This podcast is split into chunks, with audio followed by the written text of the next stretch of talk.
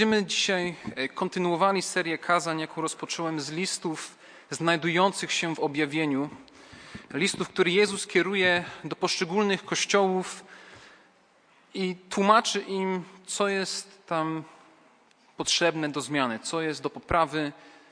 Jest jeden kościół, który nic w zasadzie nie ma do poprawy, ale są też takie, które tej poprawy potrzebują. Nie ma kościołów idealnych, a jeśli byłby taki kościół, to nie należałoby do takiego pójść, bo już nie byłby idealny. Myślę, że to jest coś, co warto pamiętać. I dzisiaj będziemy dalej się kolejnemu kościołowi przyglądać. Ale zanim przejdziemy do dzisiejszego tekstu, chciałbym Wam opowiedzieć historię, która się wydarzyła w Kanadzie. W listopadzie 2002 roku niejaki Jim Sulkers, 53-letni emeryt mieszkający w Winnipeg, wszedł do łóżka, zakrył się pościelą i poszedł spać. Mniej więcej dwa lata później, 25 sierpnia 2004 roku, do jego mieszkania weszła policja, powiadomiona przez zmartwioną rodzinę. Policja po wejściu do mieszkania znalazła zmumifikowane ciało, wszystko w jego mieszkaniu w nienaruszonym stanie, jedzenie zgniłe w lodówce i przestarzały o dwa lata kalendarz. Po przeprowadzeniu dochodzenia ustalono, że śmierć Jima nie była odkryta z kilku powodów. Po pierwsze, nie miał bliskich relacji z rodziną i nie utrzymywał kontaktu z sąsiadami, więc ludzie zaczęli się zastanawiać, czy on nie wyjechał na jakieś dłuższe wakacje, na jakieś wczasy. Chorował na bardzo rzadką chorobę, która spowodowała, że jego ciało po śmierci nie, ulegało zgniciu i nie powodowało smrodu, więc nikt nie pukał do mieszkania, bo nie śmierdziało. Bank automatycznie wpłacał emeryturę na jego konto i automatycznie z jego konta były pobierane opłaty za czynsz, za gaz, za prąd. Także dla całego zewnętrznego świata Jim był osobą żywą. Pomimo tego, że był faktycznie martwy. I tak samo dzisiaj będziemy patrzeć na Kościół, do którego Jezus się zwraca jako żywy, ale martwy. Nazwałem ten kościół i to kazanie kościół zombie. Zdaję sobie sprawę, że to jest takie młodzieżowe słowo, ale dobrze ono obrazuje stan tego kościoła, że z jednej strony porusza się jakby jak żywe ciało, ale wewnątrz jest duchowo martwe. Wewnątrz jest duchowo martwe. Także zachęcam Was, żebyśmy otworzyli objawienie Jana, trzeci rozdział i przeczytamy wersety od pierwszego do szóstego. Objawienie Jana, trzeci rozdział od wersetu pierwszego do szóstego. A do anioła zborów Sardes napisz. To mówi ten, który ma siedem duchów bożych i siedem gwiazd. Znam uczynki Twoje. Masz imię, że żyjesz, a jesteś umarły. Bądź czujny i utwierdź, co jeszcze pozostało, a co bliskie jest śmierci. Nie stwierdziłem bowiem, że uczynki Twoje są doskonałe przed moim Bogiem. Pamiętaj więc, czego się nauczyłeś i co usłyszałeś, i strzeż tego, i upamiętaj się. Jeśli wtedy nie będziesz czujny, przyjdę jak złodziej, a nie dowiesz się, o której godzinie cię zaskoczę. Lecz masz w Sardes kilka osób, które nie skalały swoich szat, więc chodzić będą ze mną w szatach białych, dlatego że są godni. Zwycięzca zostanie przyobleczony w szaty białe i nie wymarzę imienia Jego z Księgi Żywota. I wyznam imię Jego przed moim Ojcem i przed Jego aniołami. Kto ma uszy, niechaj słucha, co Duch mówi do zborów. Panie Boże, tak Ci dziękujemy za Twoje słowo. Teraz prosimy Cię, Panie, przymieni nas, doświadcza nas przez swoje słowo w imieniu Jezusa Chrystusa. Cię o to prosimy. Amen. Myślę, że do tej pory już myślę, dobrze wiecie, że patrząc na listy w objawieniu, żeby zrozumieć treść tego listu albo jaki jest wydźwięk tego listu, trzeba spojrzeć najpierw na to, jak się Jezus przedstawia, w jaki sposób on się opisuje, w jaki sposób on wygląda do tego zboru. Każdy zbór ma własny obraz Jezusa, który Jezus kieruje do tego zboru. I tutaj widzimy, że Jezus się przedstawia jako ten, który ma siedem duchów bożych i siedem gwiazd ma siedem duchów bożych i siedem gwiazd. I zasadniczo zastanawiające jest to, czym są te duchy Boże. Bo wiemy, że jest jeden Duch Święty, tak jak jest jeden Bóg Ojciec, jeden Syn Jezus Chrystus, a tu jest mowa o siedmiu duchach Bożych. To nagle Duch Święty się rozszczepia na siedem takich duchów poszczególnych i każdy inaczej działa. No najprościej jest to wyjaśnić w taki sposób, że tak jak jest siedem zborów, do których te listy są kierowane, tak Bóg pokazuje, że On chce kierować swojego ducha do każdego z tych siedmiu zborów, więc ta liczba jest jakby liczbą symboliczną. Przecież przy każdym z tych listów pojawia się informacja, żeby słuchać tego, co duch mówi do zborów. Także duch kieruje wszystko do wszystkich zborów. To nie jest tylko, że jest skierowany tylko do Sardesu, tylko do Tiatyry, tylko do Filadelfii, tylko ta sama treść. W zasadzie każdy zbór ma prawo, żeby z tej treści coś wyciągnąć dla siebie. Jeśli chodzi o gwiazdy, to w objawieniu pierwszym rozdziale, w wersji 20 jest napisane tak.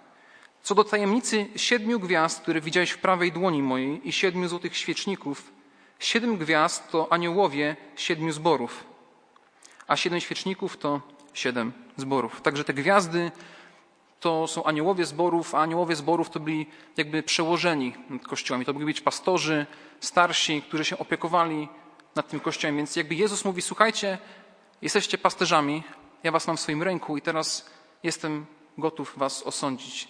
Ten obraz tego, że Jezus trzyma gwiazdy w swoim prawym ręku, to jest obraz Bożego Sądu. I myślę, że już jak przechodzimy przez te listy, to widzimy, że to już jest któryś raz z kolei, że Jezus w podobny sposób się przedstawia do jakiegoś zboru. Więc jeżeli się w ten sposób przedstawia, znaczy, że wydźwięk listu nie jest koniecznie dla tego zboru pozytywny. Także Jezus jest tym, który ma siedem duchów bożych i siedem gwiazd. Następną rzeczą, która się tu pojawia, jest jakby ta afirmacja tego, co Jezus wie na temat zboru. I to jest to, na czym się teraz skupimy. Jezus mówi: Znam uczynki Twoje, nosisz imię, że żyjesz, a jesteś umarły. Znam uczynki Twoje. Zazwyczaj w listach, które się pojawiają w objawieniu, bywa tak, że są jakieś uczynki, które są dobre, właściwe i one są pochwalane przez Boga, ale zarówno w zborze w Sardesie i potem będzie jeszcze zbór w Laodycei, nie ma nic pozytywnego do powiedzenia o tym kościele. Jakby ten wydźwięk listu staje się jeszcze bardziej taki szorstki, trudny, i zaraz się dowiemy, dlaczego tak faktycznie jest. Jest brak jakiejkolwiek pochwały. Brak jakiejkolwiek pochwały. Jeżeli nie ma pochwały dla Kościoła, to oznacza, że ten Kościół naprawdę jest w takim tragicznym stanie. To może być tragiczny stan duchowy, być może jest jakiś poważny problem. I to jest tak tragiczny stan, że nawet uczynki, które robią, to zauważcie, w wersji drugim jest napisane, że uczynki Twoje nie stwierdziłem bowiem, że uczynki Twoje są doskonałe przed moim Bogiem. Więc oni coś robią, coś działają, ale się okazuje, że to nie jest dobre przed Bogiem. Najwidoczniej Kościół w Sardesie wyrobił sobie pewną reputację. Był jakimś kościołem takim bardzo zaangażowanym, prężnie działającym, pełnym życia, byśmy powiedzieli. A jednak Jezus daje im taki kubeł zimnej wody i mówi: No, jesteś martwy, jesteś umarły, nie ma tutaj przyjawów duchowego życia. Nie można polegać tylko na tym, co, co się dzieje. Nie można polegać tylko na jakiejś swojej nazwie, którą ludzie nas kojarzą. Tu odchodzi o coś więcej. Więc z zewnątrz wszystko dobrze wygląda, ale okazuje się, że w środku nic nie ma. I tak może być, i do dzisiaj są różne kościoły, być może mają rozpoznawalną nazwę, albo są z czegoś znani, gdzie brakuje tam duchowego życia. I tu nie chodzi wcale o jakąś szczególną, charyzmatyczną manifestację Ducha Świętego, bo tak czasami się mówi, że tam, gdzie jest Duch Święty, tam musi się dziać, tam Duch musi się objawiać w jakiś szczególny sposób. I tak czasami jest ten fragment też odbierany. Raczej patrząc na ten fragment i na kontekst, w jakim się znajduje, to widzimy, że większość tym ludzi albo nie zna Boga, albo ich życie duchowe przypomina duchowe pustkowie. Więc to, czego niektórzy w tym kościele potrzebują, to się nawrócić, żeby ich życie duchowe w ogóle miało jakiś początek, a inni potrzebują odbudowy, takiej reformy swojego życia duchowego, które gdzieś upada i Jezus chce je odbudować, chce je przywrócić do właściwego miejsca. Może są słabi w swoim życiu duchowym i Jezus chce ich odnowić. I kościoły martwe duchowo, jako kościoły, to są te, które przestają ufać w przemieniającą moc Ewangelii. Przestają uczyć i wierzyć, że grzeszny człowiek potrzebuje Zbawiciela, a tym Zbawicielem jest Chrystus, który oddał swoje życie na krzyżu za wszystkich, którzy w Niego uwierzą. Raczej częściej niż rzadziej będzie tam jakieś moralizowanie, rób to, tego nie rób, bądź dobrym człowiekiem, tym się zajmuj, czyń dobro, jakoś to będzie. Jeżeli nie ma Ewangelii w Kościele, to nie spodziewajmy się też tego, że tam będzie życie duchowe. I kiedy się czyta takie słowa wypowiedziane przez Jezusa o Kościele, to one są prawdziwie tragiczne. Myślę, że żadna z osób siedzących dzisiaj na sali nie chciałaby mówić o tym, że jest w Kościele martwym, martwym duchowo. Raczej chcemy chodzić do Kościoła żywego. Jest taka pieśń, myślę, że dla wielu dobrze znana, o pójdź do Kościoła żywego, podążaj przez wiarę i żyj. Do Boga z sumienia czystego w tym domu modlitwy swe śli. To jest opójdź do Kościoła żywego, podążaj przez wiarę i żyj. To jest wezwanie do tego, że chcę chodzić tam, gdzie faktycznie Duch Boży działa. I to niekoniecznie w taki sposób, jaki często może być obrazowany. I kiedy patrzymy na ten pierwszy werset, to widzimy tutaj co najmniej dwa praktyczne wnioski. Po pierwsze, nie można oceniać Kościoła powierzchownie. Nie można z zewnątrz oceniać Kościoła na przykład tylko po tym, co robi. Jakie ma wspaniałe służby, jakie ma wydarzenia, jak to u nich wygląda. Bo tam się właśnie dzieje, a u nas co się dzieje? Co się u nas dzieje? A tam, tam to jest, a u nas to co jest? Bo tam są młodzi ludzie. No u nas też są młodzi, ale no, no nie ma ich tyle jak tam. Bo tam są pięknie zdobione budynki, piękne ściany, witraże. No gdzie ma być Bóg, jeśli nie, nie tam? I bardzo łatwo przychodzi im nastawienie takiego powierzchownego oceniania kościołów na podstawie tego, co nie jest najważniejsze. Tworzone są sztuczne kategorie, które pozwalają na porównywanie drugiej strony z tym, co jest u nas, i potem na podstawie tego jest oceniane, czy tam Bóg działa, czy też nie działa. Taki sposób oceniania jest troszkę podobny jak kupno samochodu bez weryfikacji. Bo przecież ładnie wygląda taki piękny samochód, nówka nieśmigana, ale zaczynasz jechać i nagle tłumik zaczyna troszkę trzęść. Tak słyszysz, tak i tak się zastanawiasz coś, co tam się dzieje. I się okaże, że spaw był taki delikatny, że tam sprzedawca stwierdził, że tak lekko ze spawa nikt tego nie sprawdzi i nie sprawdził. I trzeszczy, i jedziesz, i potem na trytkę trzeba zamontować. Potem się jedzie dalej i się okazuje, że była szpachla robiona. I zamiast ładnego lakiernictwa, to jest samochód, który ma wszędzie jakieś takie dziury, wbicia, jest powypadkowy, mimo że mówił, że nie jest powypadkowy. I to, co pięknie wyglądało na początku, okazuje się być totalnym gniotem. Dlaczego? Bo tylko powierzchownie patrzymy, nie robimy tego, co powinniśmy, nie szukamy głębiej. Dlaczego? Bardzo często dzisiaj siedzisz z mechanikiem, żeby mechanik zbadał, zweryfikował, bo chcemy wiedzieć, czy samochód faktycznie dobrze funkcjonuje. Więc z jednej strony mówi się, żeby nie oceniać książki po okładce, ale z drugiej strony, jeżeli chodzi o ocenę innych kościołów, to na okładce to tylko zostaje. Postajemy tylko na tym, jak to wygląda z zewnątrz, nie otwieramy, nie czytamy tego, jaka jest treść. Znam historię jednej wierzącej rodziny, która się chciała przeprowadzić ze Śląska na Pomorze, ale zanim podjęli decyzję o kupnie domu, to słuchali kazań z różnych zborów. I dopiero po tym, jak słuchali kazania, wiedzieli, co Kościół naucza, stwierdzili, dobra, to kupujemy dom. Zazwyczaj bywa tak, że ludzie najpierw kupią dom i potem będą szukać zboru, a oni w drugą stronę. Najpierw szukali zboru, który będzie ich karmił Słowem Bożym, będą zbudowani, będą zachęceni i dopiero wtedy powiedzieli, dobrze, to kupimy dom w pobliżu tego kościoła. No myślę, że to jest taka postawa właściwa, gdzie najpierw szukamy tego, co się w kościele znajduje, a nie, że dobieramy kościół do tego, jak mi to akurat w życiu jest wygodnie.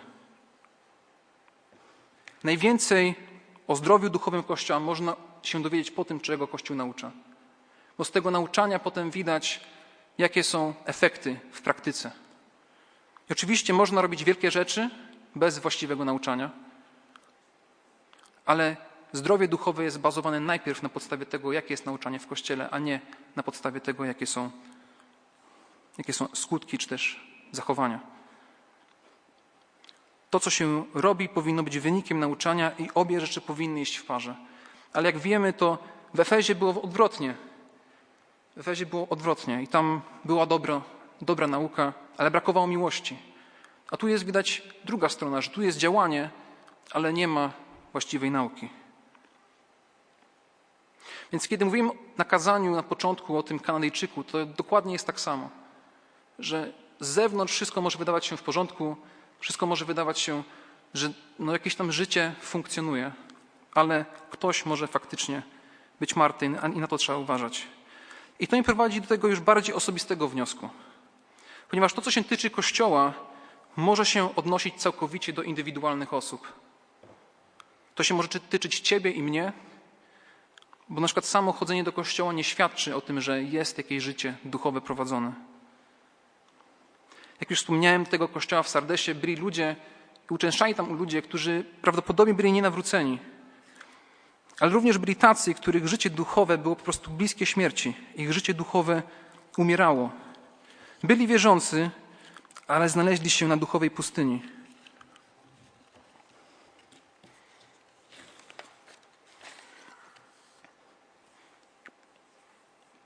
Pytanie, które weryfikuje to, czy my faktycznie też się w takiej sytuacji nie znajdujemy, jest chociażby po co przychodzę do kościoła?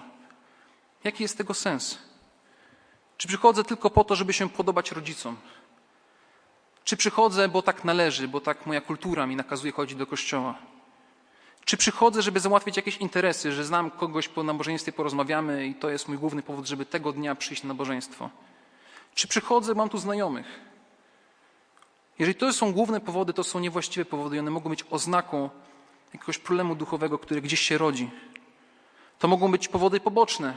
Przecież chcemy wspólnie spędzić czas z naszymi znajomymi, porozmawiać i to są też dobre rzeczy, ale nie powinny być główną rzeczą. A może przychodzę do kościoła tylko dlatego, że mam służbę i beze mnie po prostu nic się nie będzie właściwie działo. Istnieje ogromne niebezpieczeństwo, że służba albo działalność w kościele weźmie górę nad moim osobistym dobrem duchowym. Można się w coś angażować w kościele, a jednak być martwym duchowo. Można się angażować w kościele, a jednak nie znać Chrystusa bliżej. Można nie prowadzić życia modlitewnego. Jakby służba staje się sensem przychodzenia do kościoła, staje się jakby służbistość. Taka, że no chodzę, chodzę, przychodzę do kościoła, nie czerpię w ogóle z tego, co tam jest mówione, wychodzę i taki cykl się z tego robi.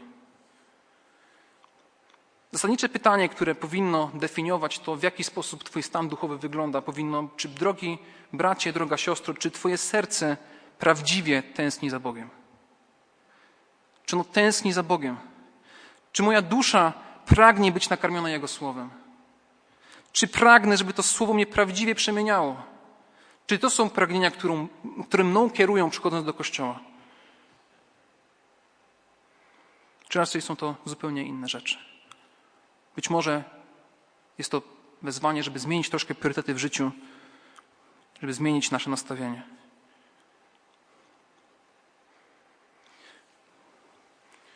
Jeżeli w ogóle jeszcze nie znam Chrystusa, to nie ma tam życia duchowego. Żeby życie duchowe mogło mieć początek, trzeba wzywać Chrystusa, prosić o przebaczenie swoich grzechów i Chrystus przyjmie z otwartymi ramionami. Trzeba wyznać Jezusa jako swojego Pana i swojego Zbawiciela i zacząć kroczyć nowym życiem. Ale jeżeli jesteś osobą wierzącą, ale Twoje życie duchowe wygląda tak, jakby nie istniało, to chcę Ciebie zachęcić, że jest dla Ciebie nadzieja. Że jest coś, jest ktoś, kto potrafi odnowić Twoje życie duchowe. I nie bez powodu dzisiaj czytaliśmy na nabożeństwie Księgę Ezechiela, 34 rozdział. Pierwsza część, którą ja czytałem, mówiła o tym, że tam było śmierci duchowa w Izraelu że byli pasterze, którzy nie karmili swoich owiec. Ale potem jest mowa o drugim pasterzu, tym lepszym pasterzu, który przyjdzie. Jest napisane tak, Ezechiela 34:23. I ustanowię nad nim jednego pasterza, mojego sługę Dawida, i będzie je pasł. Będzie je pasł i będzie ich pasterzem. A ja, Pan, będę ich Bogiem, Mój sługa Dawid będzie księciem pośród nich. Ja Pan to powiedziałem.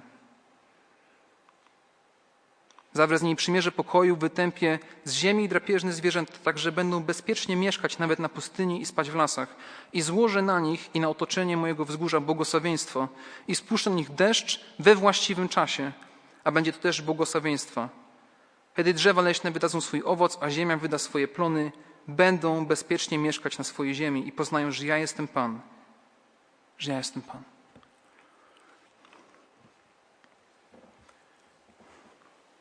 Byli pasterze, którzy zaniedbali swoje obowiązki, ale mamy lepszego pasterza, który się prawdziwie troszczy, któremu prawdziwie zależy i który wprowadzi przymierze pokoju, który chce odnowić to, co jest podłamane. I potem widzimy, że tym pasterzem jest Jezus w Nowym Testamencie. On jest tym dobrym pasterzem, o którym też dzisiaj już wcześniej była mowa. Więc jeśli jesteś dzisiaj na duchowej pustyni i może miałeś źle ułożone priorytety w swoim życiu, to wyznaj to Jezusowi, On ci przebaczy. I teraz spojrzymy, jak to w praktyce powinno wyglądać, jaki jest kolejny, kolejny etap.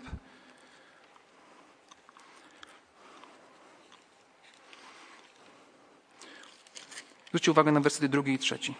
Bądź czujny i utwierdź, co jeszcze pozostało, a co bliskie jest śmierci. Nie stwierdziłem bowiem, że uczynki Twoje są doskonałe przed moim Bogiem. Pamiętaj więc, czego się nauczyłeś i co usłyszałeś, i strzeż tego i upamiętaj się.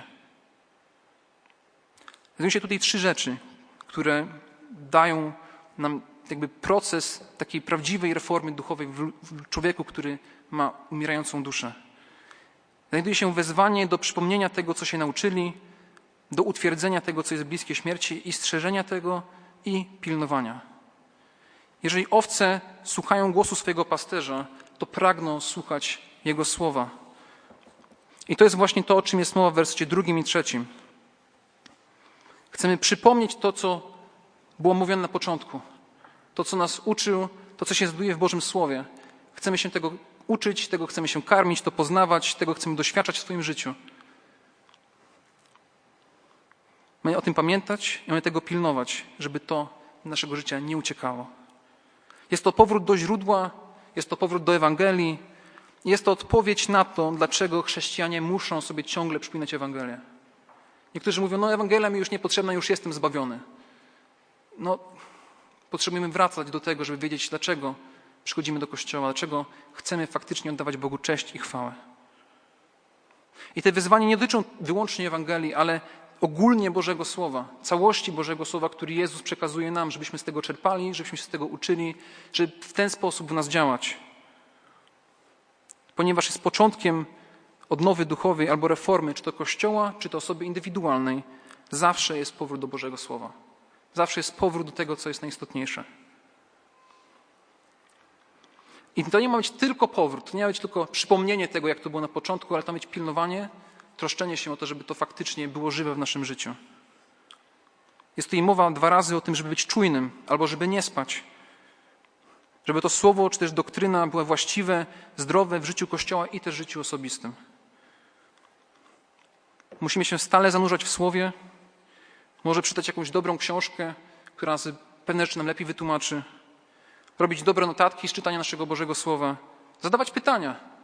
Jak się czyta Boże Słowo, pewnie jakieś pytania się rodzą i czasami ich nie, za, nie zapamiętujemy, potem zapisać, szukać odpowiedzi. Słuchać biblijnych kazań, to jest chyba podstawa. Nie bać się głębi pisma, nie czytać tylko powierzchownie, ale faktycznie szukać tego, co tam się znajduje, żeby wzrastać coraz głębiej, żeby to nie było tylko mleko duchowe, ale żeby było mięso też i inne stałe pokarmy. Może mieć znajomych, czy też zadbać o znajomych, którzy będą nas zachęcali do czytania Pisma Świętego i do modlitwy. Takich, z którymi rozmowa o Bogu to nie będzie coś dziwnego. To nie będzie takie, mm, no nie wiem. Tylko, że to naturalnie będzie wpływać, będziemy mówić o tym, co się w naszym życiu dzieje. Będziemy się tym dzielić i to nie będzie coś dziwnego. Będziemy się zachęcać, będziemy się motywować do tego, żeby faktycznie nasze życie duchowe było we właściwym miejscu. Żeby to byli ludzie, którzy, jeżeli coś jest w moim życiu nie tak, oni mi powiedzą.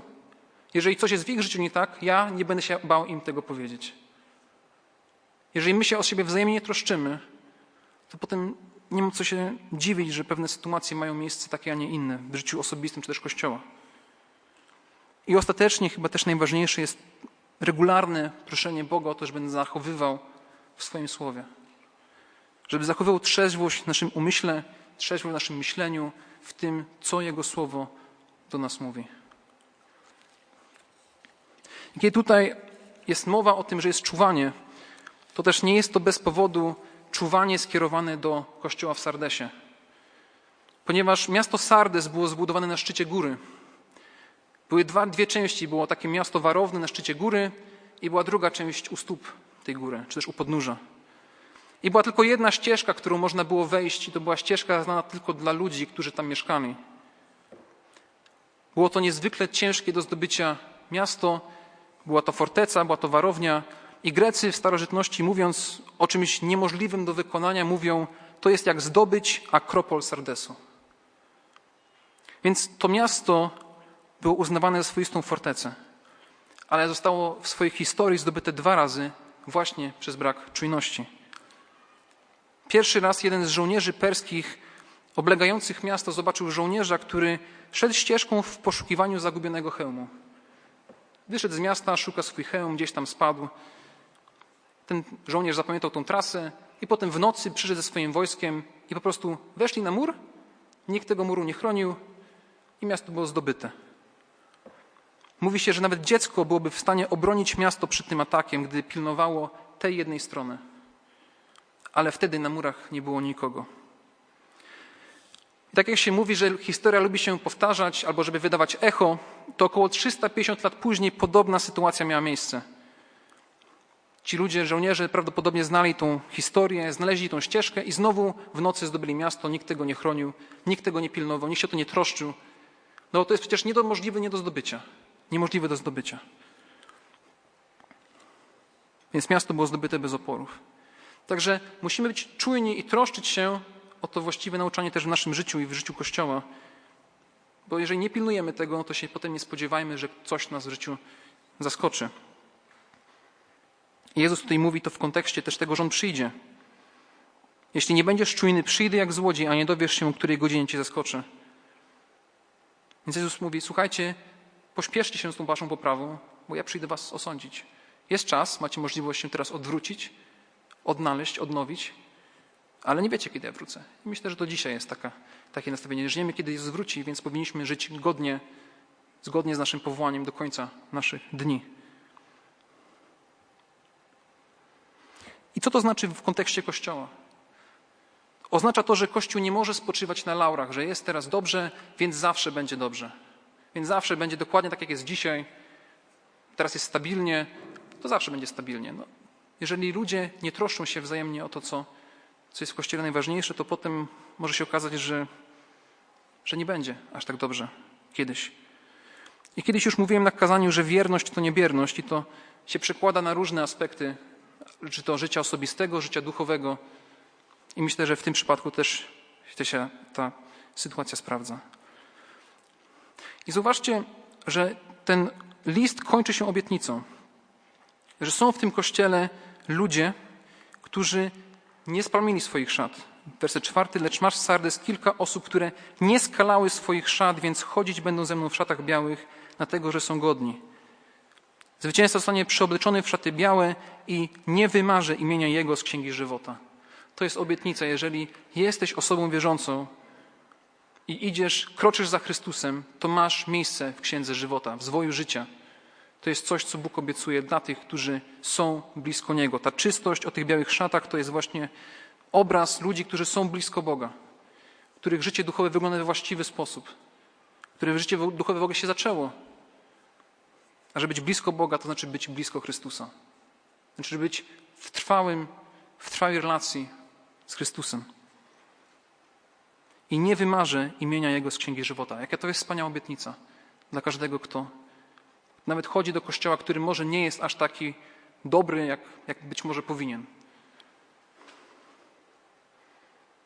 I wyznam imię Jego przed moim Ojcem i przed Jego aniołami. Jezus wyzna przed swoim Ojcem imię każdego, kto jest jego. To jest wspaniała obietnica, to jest coś, co naprawdę powinno być dla nas zachętą w naszym codziennym życiu. Także patrząc na, na ten list, to widzimy kilka rzeczy. Po pierwsze, nie możemy oceniać kościołów tylko po tym, jak to wygląda z zewnątrz. Jeżeli faktycznie chcemy się dowiedzieć czegoś więcej o Kościele, to posłuchajmy kazań, jakie głoszą. To będzie bardzo otwierało, otwierało oczy. No myślę, że w różnych kwestiach więcej się dowiemy o tym, jak Kościół funkcjonuje, na podstawie tego, czego on naucza. Powinniśmy badać swoje własne serca, zastanawiać się nad tym, czy my przypadkiem nie jesteśmy albo duchowo martwi, albo może dzisiaj wiemy, że jesteśmy w takiej sytuacji, jesteśmy daleko od Boga i potrzebujemy Jego przybliżenia. Jeżeli tak jest, to w każdym przypadku wołamy do Chrystusa i Chrystus bardzo chętnie podniesie to, co jest złamane. Równocześnie nie spoczywajmy na tym, co już jest dobre, że jest ok, jest w porządku, tylko troszczmy się dalej o to, co już nam Bóg powierzył. Będę teraz to kazanie kończył i będziemy zaraz śpiewać pewną pieśń. To będzie pieśń Dusza ma Pana chwal. I proszę zespół, żeby wyszedł naprzód. I chciałbym, żebyśmy teraz powstali i żeby ta pieśń była taką naszą prawdziwą modlitwą do Boga, wyrażającą pragnienie naszego serca, żebyśmy faktycznie ze szczerością wzywali Duszo ma Pana chwal, oddaj Bogu cześć, żeby to poruszyć nasze dusze do tego, co, co dzisiaj jest najważniejsze. Po tej pieśni zachęcam Was wszystkich do głośnych modlitw.